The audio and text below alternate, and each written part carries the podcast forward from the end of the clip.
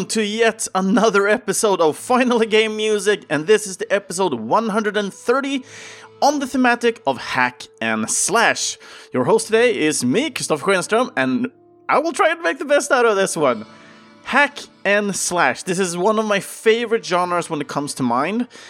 And mostly because of the game you can hear here in the background. Some of you may not recognize this tune, but some of you guys may do that. This is the Tristram tune from the Diablo series. You can hear this one in the first, second, no, it's actually just first and the third game. Now, com- now that I come to think of it, oh, I'm, I- I'm making a mess already here at the beginning. But yeah, hack and slash. This is just those kind of games and genres of games where you basically just hack and slash through hordes and yet again many hordes of different enemies. It could be demons, it could be angels, it could be like anything between heaven and hell. I could basically just say that, that kind of summarize it all. And I have a testimonial for this week that kind of sums this one up, so I don't want to go into too many details specifically on what's going on with this one. So for this week, I have chosen yet again two songs myself, and I have two requested songs for this week's episode. So let's start with the first one. So let me give you Ragnar's Journey from the game Rune.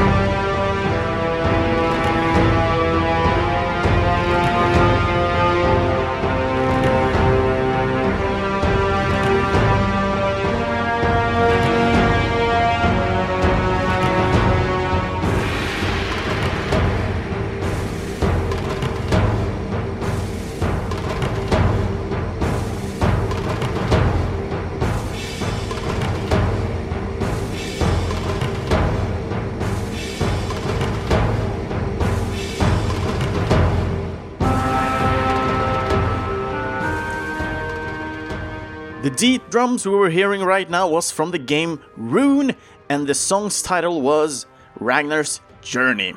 So this soundtrack was created by three composers in total. Jim B. Ray, who I did not actually find out where he's from. I think he might be a Canadian, maybe an American, but I'm a little bit unsure there, so I didn't find any evidence of, of, of, where he, he comes from from the beginning. But then we have the Canadians uh, Mike Larson and Rom Di Prisco.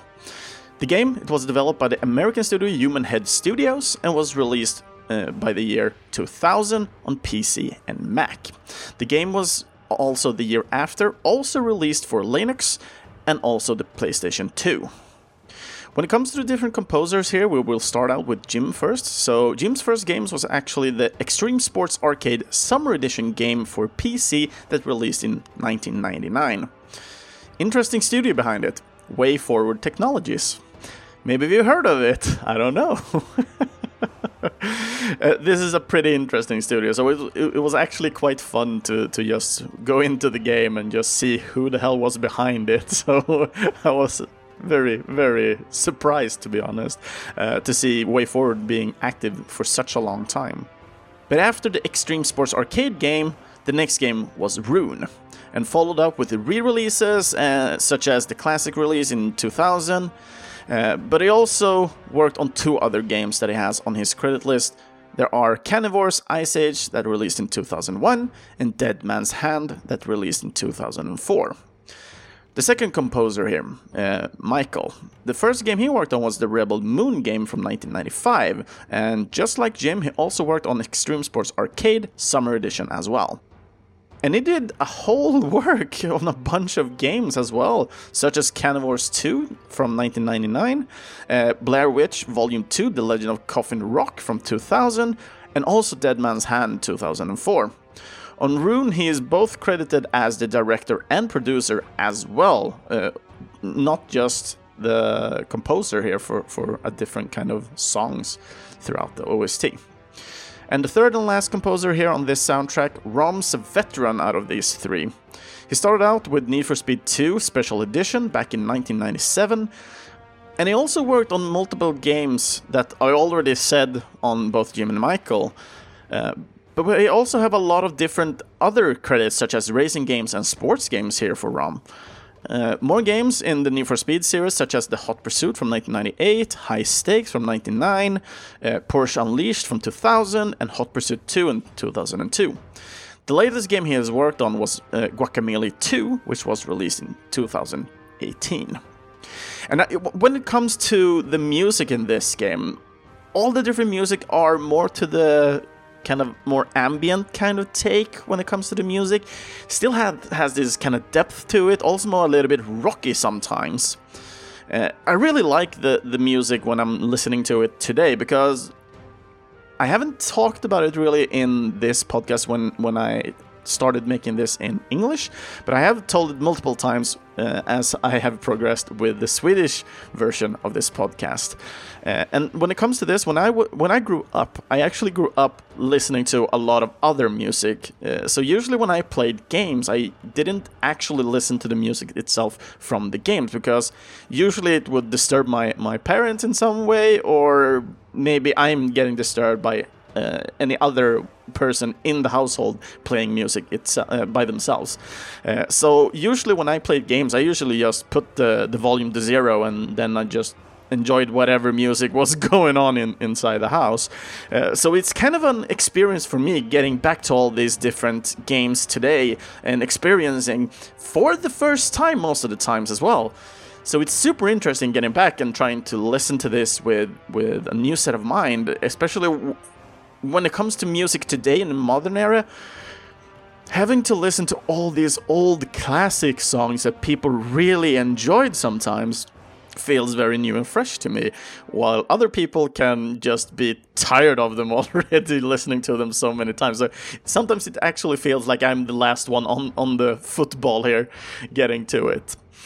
But the Rune game was something that I held close to my heart when I grew up. I really enjoyed this game. This is an adventure game, but also a really fun multiplayer game. But this is a third-person camera, and you're hacking and slashing away by grabbing different kind of weapons, uh, such as one-handed swords, uh, hammers, two-handed swords and hammers, and axes and everything.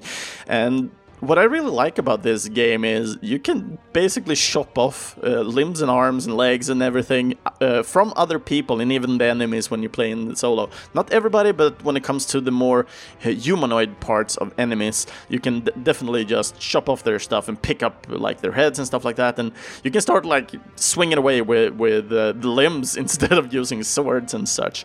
Uh, and each and every sword, especially when you play multiplayer, uh, have power ups as well, so you can start collecting resources and you can utilize uh, some sort of uh, I would say like a berserk kind of power. Uh, but it all depends on the, depending on which type of weapon you have. So each weapon has a unique uh, skill that you can utilize when you're playing. So some of them have shockwaves, some of them have increased attack speeds and such.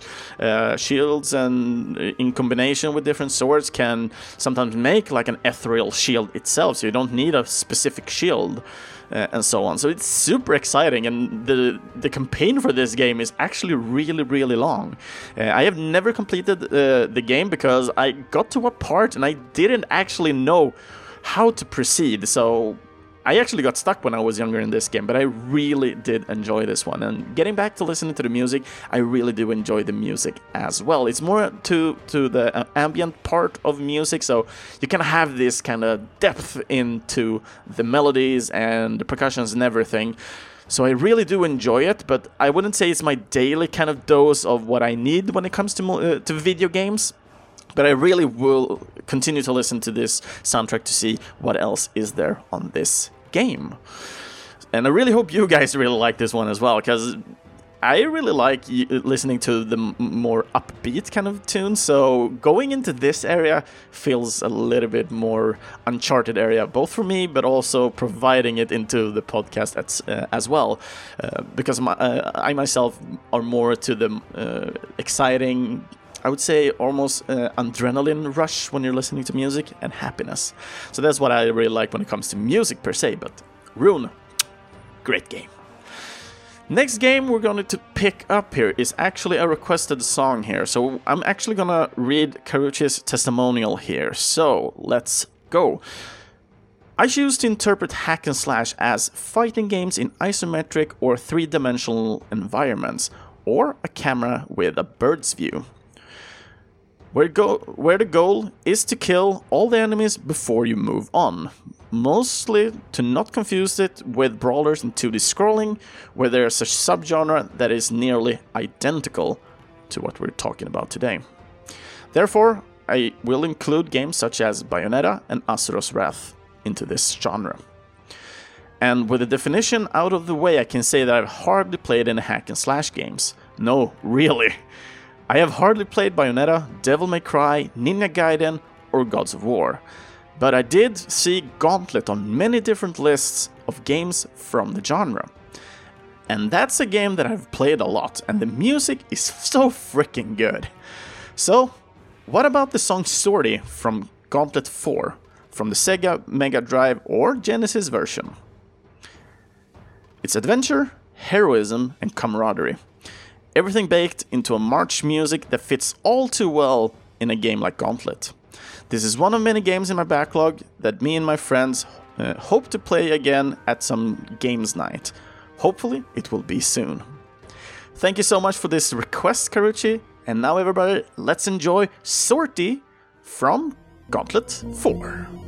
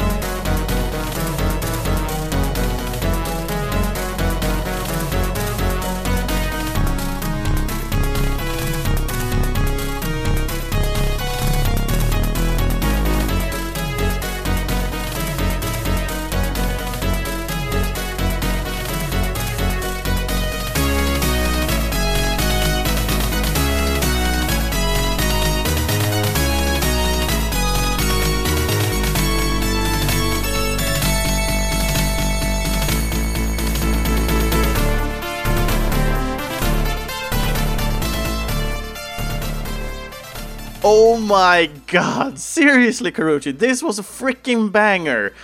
People might know already that I'm not too used to play or take music uh, from games uh, that existed on the Sega Mega Drive, Sega Genesis, uh, and all the Segas basically. I, I, did not own a single console. I only had a couple of friends uh, that actually had this one, and it, it weren't really close friends either, so I hardly played this at all. It was mostly like PlayStation, Sony PlayStations, and, and Nintendo consoles uh, in in my near friendship circle, so to speak. But damn, this was sortie from the Gauntlet 4 game. Holy moly, damn! Usually I don't play songs this long.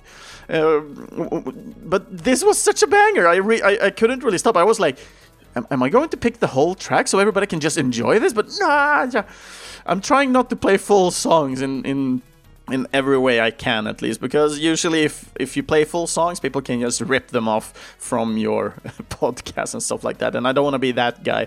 Uh, so I rather just have the music in the background and just enjoy short bits of this music instead uh, and focus on the composers behind this music and uh, just enjoy the like what they've done uh, till this point and and even forward from that point as well. But yeah, when it comes to the soundtrack here, the composers were the Japanese Hitoshi Sakimoto and uh, Masaharu Iwata. The game it was developed by the American company Atari Games Corporation, or more known as Midway Games West after Warner Bros. bought them, but the studio was closed down back in 2003. The game was released back in 1993, and this game was also exclusively released for the Sega Genesis or the Sega Mega Drive if you live in Europe. And when it comes to the, both of these composers, they have a pretty wide and pretty long credits list. So let's start, and I'm just gonna handpick a few games here because they're so freaking long. But when it comes to the first composer here, Hitoshi, uh, he started out back in 1988, and his first game was the adult game uh, Starship Rendezvous, which I, I just had to Google a little bit more about this game, and it it's such a weird game. It's it's basically a game where you um, go around and getting items that you, in the end, on the boss on each level, which is a girl, you utilize these like items on the girls to get them undressed and so on. And it, it's so freaking weird when it comes to this game. I was like, what the hell? This is so weird.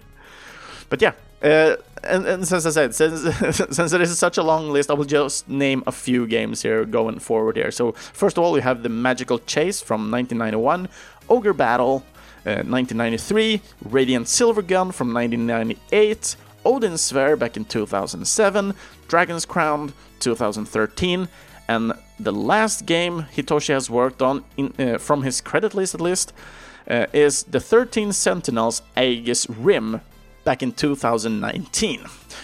The second composer here, Masaharu, have worked on a couple of other games, but also worked together with Hitoshi. But he did start a year earlier with his first work being Fantasy Zone from 1987. Some other games that Masaharu worked on that Hitoshi did not work on are Baseball Stars 2 from 1992, Bloody Roar 2, 1998, Final Fantasy 12 from 2006, Suikoden Tierkreis uh, from 2008, Half Minute Hero, The Second Coming, 2014, and lastly, Final Fantasy 12, The Zodiac Age, back in 2017. And it's super interesting looking at these guys because they they have so many different games in common, which is super interesting as well. Especially when you're looking at the game list where they have, I think it was at least like 30 games, uh, both of them. Uh, so it's super interesting to see kind of where they come from and uh, what they have been doing, and especially that they have been doing a lot of these soundtracks together with each other. So it's super, super sweet to see those kind of things. And when it comes to Gauntlet, I do not have that much experience with this game. I think I've played it on some sort of collection uh, CD or something like that for an Xbox, I might, if I remember correctly. But I've also tried. Uh, we actually had like a, a, technical museum in Stockholm, and this was the Game On exhibition. So they had a lot of different games. They have arts and concepts and everything basically. I think I only found a couple of like clones that did not uh, exist on this exhibition, but it was super interesting, and I actually got to play on the original arcade game, uh, this first Gauntlet game, and it was super fun. I I only played by myself, but I still had super fun, and it, it I think this might also be the first arcade machine that I saw that actually had four different joysticks. So you can actually play four players in the first uh, arcade machine for of Gauntlet. So it was super interesting to see that, and I have no clue about the fourth game. So I think I think if Karuchi wanna be so kind, he can he maybe can fill me out with what's so great about Gauntlet and what it is. Maybe I can just check up some some videos of it, or if Karuchi uh, himself can can send me some videos uh, that he recommends from this game, so I can get a good glimpse on on what kind what what we can expect with this game. It would be super fun, and I think it would be super fun to actually continue listening to a little bit more of this soundtrack. Cause damn, this was a banger. I really enjoyed this tune. So thank you so much, Karuchi. Thank you so much. Next, game to continue with. is one of my favorite series uh, to date, and I really do enjoy. And I, they did release a spin-off, and they did release a fourth game in the series, but I totally neglect those and just see this as a perfect, super sweet trilogy. So let's enjoy from the second game, Prince of Persia: Warrior Within, and the song Mystic Sanctuary.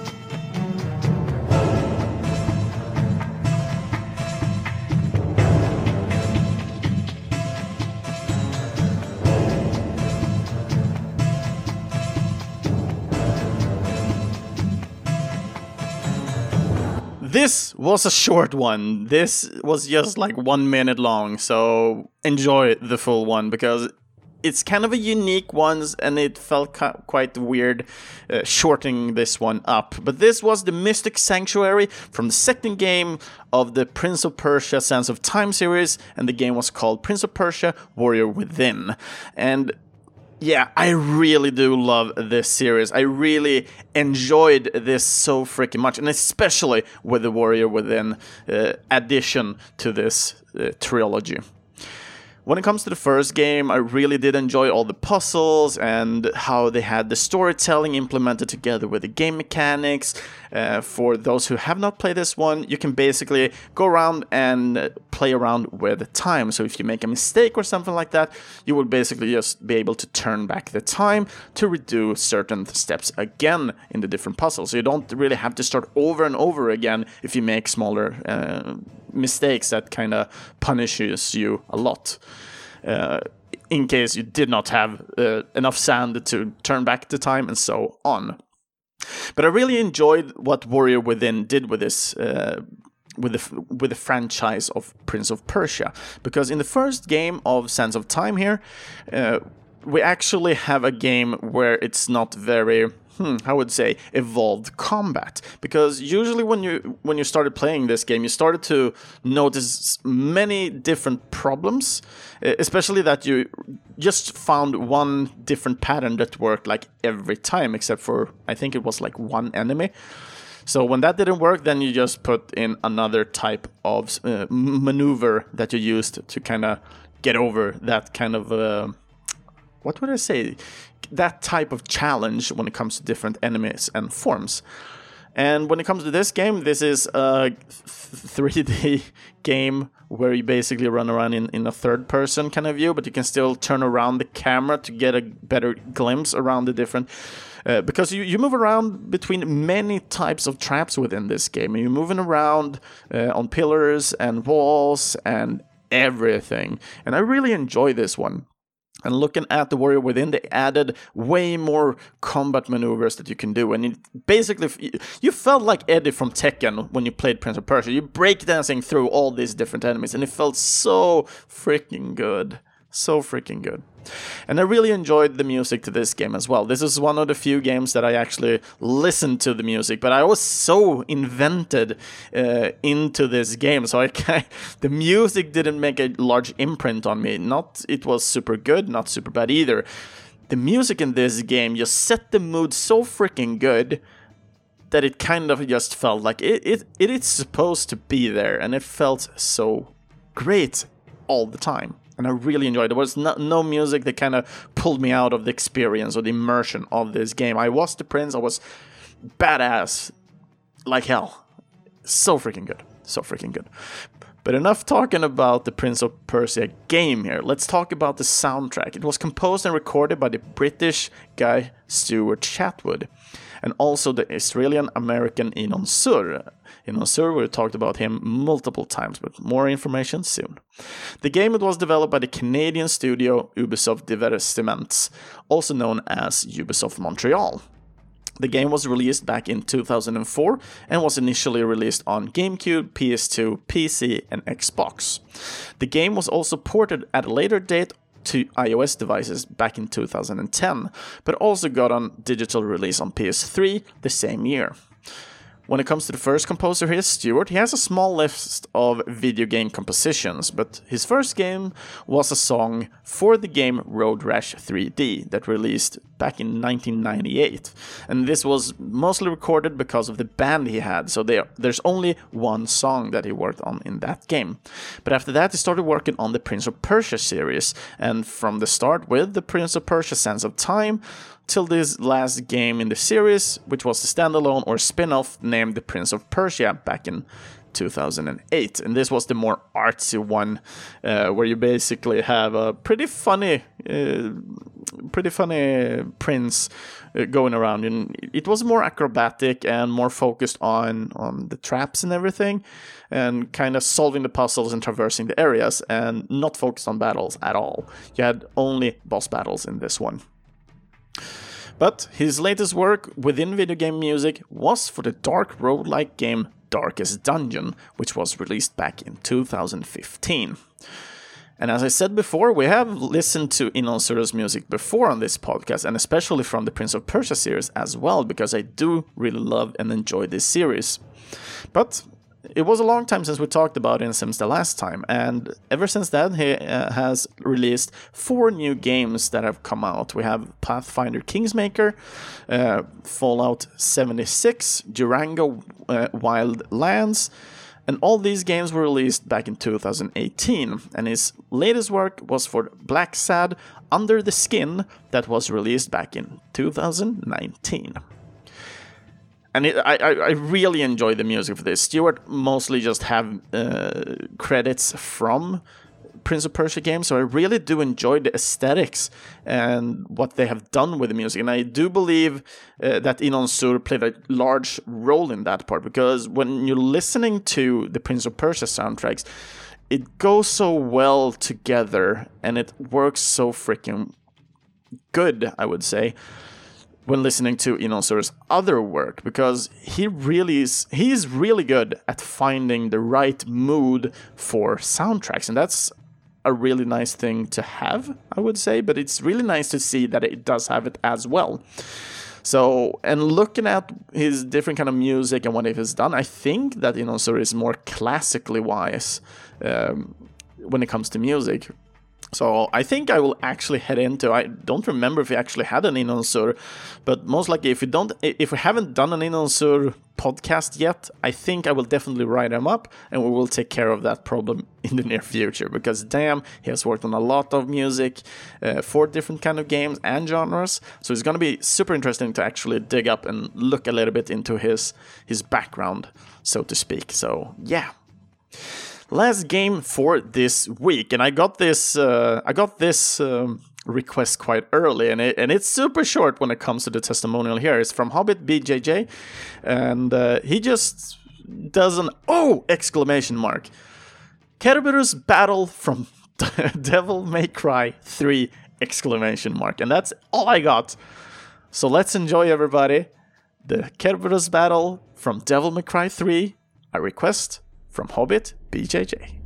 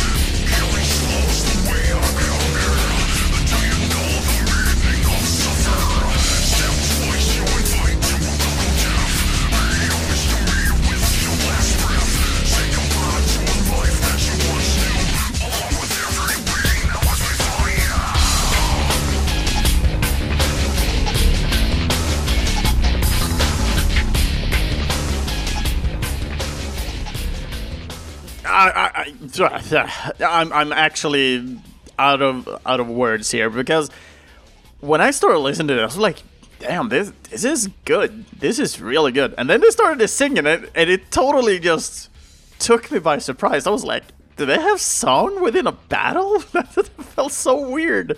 Uh, so I just had to look it up. I was like, "Is this for real?"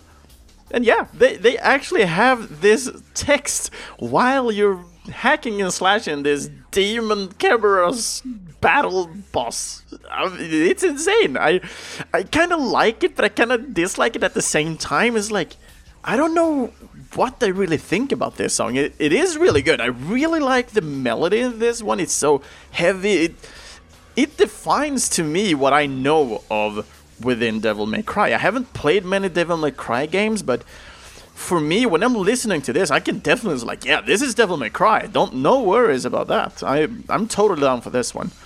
Uh, so yeah, but yeah, this was the, the Cerberus battle theme uh, from Devil May Cry 3, uh, and it was a request from Hobbit BJJ. So thank you so much for this request. It, it, it felt so weird, but yeah, I really enjoyed this one.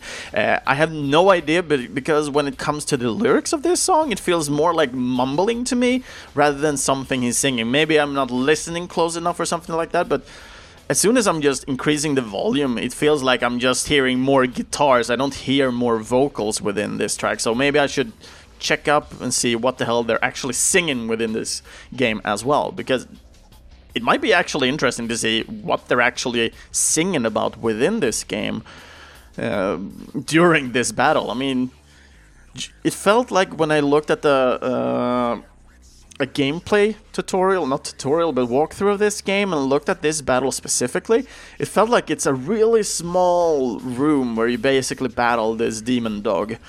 Um, and yeah, this singing part just felt so out of context when when you're going through it because before when I was talking about Prince of Persia and the Warrior Within, you kind of felt like you're there together with the music. It sets up good ambience to uh, to the experience itself. Here it kind of pulls you out of the experience, at least for me when looking at it. But I haven't played the third game, so I do not know if it actually does that when you get to that point in the game because when you're at that point, maybe it feels so much more common uh, to this game that it just draws you into the experience instead and having a great kind of a impact on you as a gamer while you're doing this boss battle. But than that, I can I can only say that I really did enjoy this one, but it's just the lyrics that felt so off to me and kind of pulled me out. So that's the thing. I, that's the part I of dislike with this one. But yeah, when it comes to the soundtrack here, we have uh, two Japanese composers here. We have the main composer Tetsuya Shibata and the Japanese assistant composer Kento Hasegawa. Uh, the game was developed by the Japanese developer Capcom and more specifically the Capcom Production Studio 1 out of uh, a numbering of five. So there are five different studios. And when it comes to this specific studio, the Studio 1, uh, they are the studio that mainly work with the Capcom's fighting franchise. Uh, and when it comes to Devil May Cry 3, that game was released on the PS2 back in 2005. And looking here at the composer, so we will start with the main composer, Tetsuya. Uh, he has a pretty, pretty decent list of many games, and almost every game is from Capcom. Tetsuya started out back in 1997 with the first game being The Vampire Hunter or The Vampire Savior, uh, and this was the second game in the series. Some other games he has worked with on with the music is Power Stone from 1999, uh, Heavy Metal Geomatrix from 2001, Monster Hunter uh, 2004, Devil May Cry 4 2008, and we're getting back here uh, to another game. Uh, for those who rem- remember still the composer Masaharu, uh, we have the Half Minute Hero The Second Coming back in 2004. He also worked on Final Fantasy uh, 15, the episode Gladiolus, uh, back in 2007, and lastly, the Resident Evil 5 Gold Edition, which was released back in 2019. Looking at the assistant composer here, Kento's first game was the Resident Evil Outbreak File 2 back in 2014. He also worked on the Mega Man X remake, Mega Man Maverick Hunter X, uh, from 2005, which is basically like a. I, I wouldn't really say an HD update, but they did add a couple of cinematics to kind of bring the story together a little bit more than there is in the Super Nintendo version. Uh, we also have Inazuma 11 Strikers back in 2011, Teenage Mutant Ninja Turtles Mutants in Manhattan 2016, Sword Art Online Fatal Bullet back in 2018, and lastly, and the release, the recently released game Ghosts and Goblins Resurrection, which released now just in February this year. Um, and looking at Kento, he does have some more games, but I cannot go through them all. But I basically missed just a handful more. And uh, when you're looking at these two composers here, I kind of find it interesting because when you're looking at Kento, he has worked on a lot wider spread than Tetsuya have done uh, when it comes to the different games that he worked on. So it's not just Capcom games and their fighting franchise that Kento has been working on. He has some uh, sports games, some racing games, and then you have all the other games that I kind of took up as well. But most of them have some sort of fighting in them, uh, in either way. It's not just hack and slash; it's more beat them up. Some of them, so to speak. But yeah. Um, when it comes to, to Devil May Cry, I haven't played many of them. I played the fourth game a little bit, the one when you can play Nero, because I really do enjoy that kind of a saw blade mechanic that they do have in that game. But I did not complete that game, but I did really enjoy that one. So, yeah. But that's basically because I'm really bad at juggling. I really like going wild and destroying enemies and hordes of them especially but not too many hordes as well because it in my opinion there's a fine line here because looking at devil may cry it's more technically i would say technically challenging uh, using your experience within the game to kind of utilize and uh, destroy the enemy hordes that you, you meet here. Sometimes it's uh, insane combos that you need to do to kind of have enemies flying out uh, up in the uh, in the air and you totally obliterate them up there. Uh, but then you also have uh, other series like the the warrior. The Dynasty Warrior series, where you're basically fighting like ten thousands of enemies, and just with one swing you can kill like a hundred enemies. And I think that's still a small number when it comes to that series, but because when you're looking at it, it feels like sometimes you can have a, like a hit combo of like ten thousand and so on and, and that's just insane. When, it comes to that game, is those games, in my opinion, are super repetitive and boring.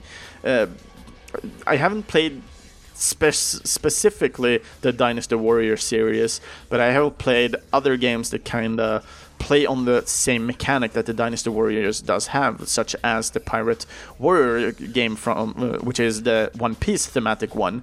Uh, you also have the the Hyrule uh, Legends, or I don't remember the exact name now, but with a Zelda thematic with the same kind of Dynasty Warrior uh, mechanics added upon it. So there's a lot of different games. I, no, it's Hyrule Warriors. I remember now.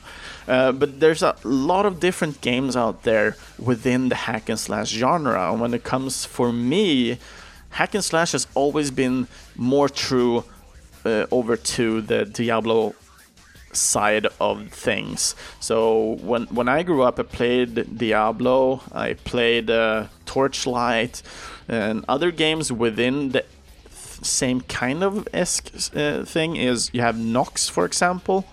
Um, what else games? I, I think I don't remember them all by memory right now. I think if I'm just taking a couple of minutes and looking at them back, there's a lot of more other games within the same kind of perspe- perspective as Diablo that I really did enjoy when I was growing up and playing. Silver is one of them as well. I just remember another one.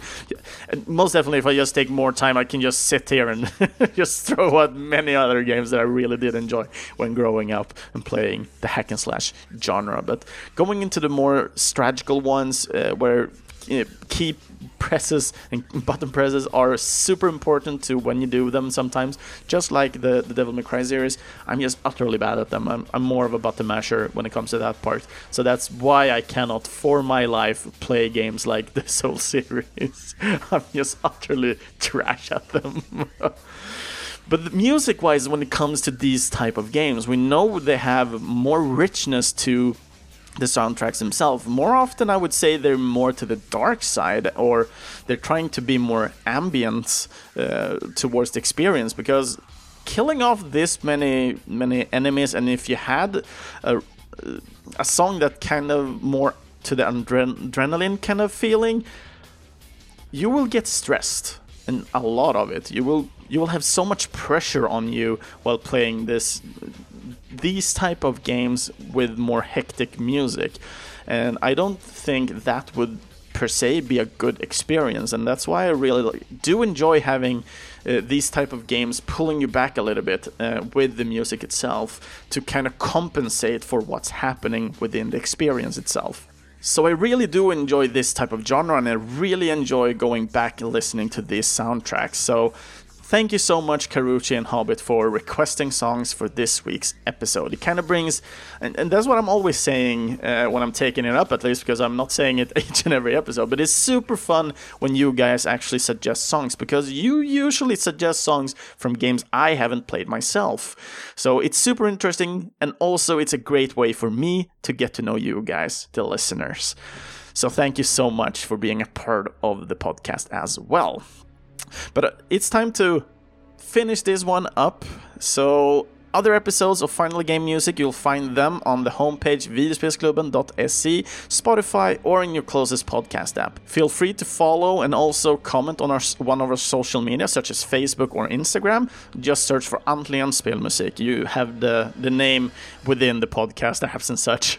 Um, and if you would like to hear your name within one of these episodes, you can either request a song for an upcoming episode by commenting on any of our social media pages or joining our Discord server that you'll find the address on videospelsklubben.se.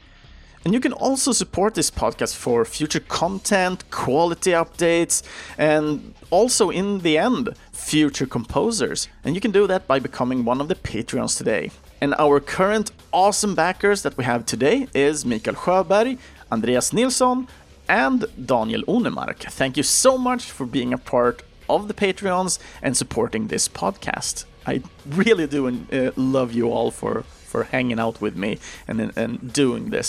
It really bring, brings a smile to my face just thinking each and every week that that you support what I'm doing. It it really warms my heart.